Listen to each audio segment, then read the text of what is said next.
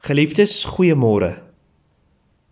As jy die afgelope 2 weke tydens ons oggendoordenkings nog nie oortuig is daarvan dat jy 'n nuwe identiteit in Christus het nie, hoop ek dat jy vanoggend oortuig sal word.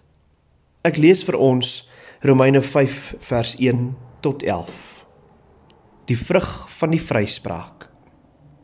God het ons dan nou vrygespreek deurdat ons glo. Daarom is daar nou vrede tussen ons en God deur ons Here Jesus Christus. Deur hom het ons in die geloof ook die vrye toegang verkry tot hierdie genade waarin ons nou vas staan. En ons verheug ons ook in die hoop om deel te hê aan die heerlikheid van God. Dit is egter nie al nie. Ons verheug ons ook in die swaar kry, want ons weet swaar kry kweek volharding en volharding kweek egtheid van geloof. En egtheid van geloof kweek hoop en die hoop beskaam nie. Want God het sy liefde in ons harte uitgestort deur die Heilige Gees wat hy aan ons gegee het.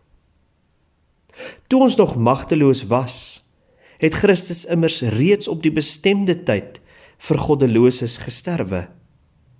'n Mens gee tog nie sommer jou lewe prys nie selfs nie vir 'n regverdige nie. Ja, tog vir 'n goeie mens sal iemand miskien nog die moed hê om te sterwe. Maar God bewys sy liefde vir ons juis hierin dat Christus vir ons gesterf het toe ons nog sondaars was. Algesien ons nou vrygespreek is op grond van sy versoeningsdood, staan dit soveel vaster dat ons deur hom ook van die straf van God gered sal word aangesien ons toe ons nog vyande was deur die dood van sy seun met God versoen is staan dit soveel vaster dat ons nou dat ons versoen is deur die lewe van sy seun gered sal word. Maar dit is nie al nie. Ons verheug ons ook in God deur ons Here Jesus Christus deur wie ons nou die versoening ontvang het Ek lees net weer vir ons vers 8.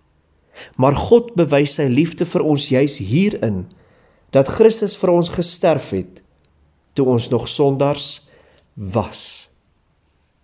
Paulus broers en susters voel so sterk oor die verlossing in Christus dat hy oor ons ou lewe voordat Christus ingegryp het in die verlede tyd daaroor praat. Hy sê Christus bewys sy liefde aan ons juis hierin dat hy vir ons gesterf het toe ons nog sondaars was. Met implikasie dat ons dit nou deur die verlossing van ons Here Jesus Christus nie meer is nie. Met die wete dat ons nie eers heilig moes word sodat hy ons kon red nie. Nee. Hy doen dit juis op 'n tydstip dat ek en jy dit eintlik so onwaardig was. Ja, toe ons nog sondaars was. En die hele Bybel is vol van hierdie taal. Wanneer daaroor die begenadigdes in Christus gepraat word.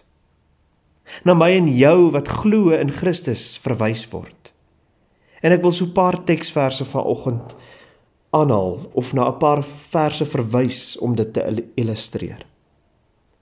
In Johannes 15 vers 12 tot 17 noem Christus ons sy vriende. In 1 Korintiërs 1 vers 2 noem Paulus ons die gemeente van God. In Romeine 8 vers 14 tot 17 word dan na ons verwys as die kinders van God, sy erfgename. In Hebreërs 2 vers 10 tot 13 word ons geheiligde mense genoem. Broers en susters van Christus. 1 Petrus 2 vers 9 tot 10 noem ons sy uitverkore volk 'n koninklike priesterdom 'n nasie wat vir God afgesonder is.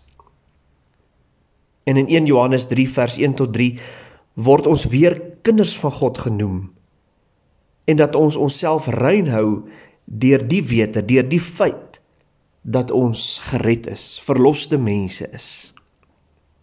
En so kan ek aangaan.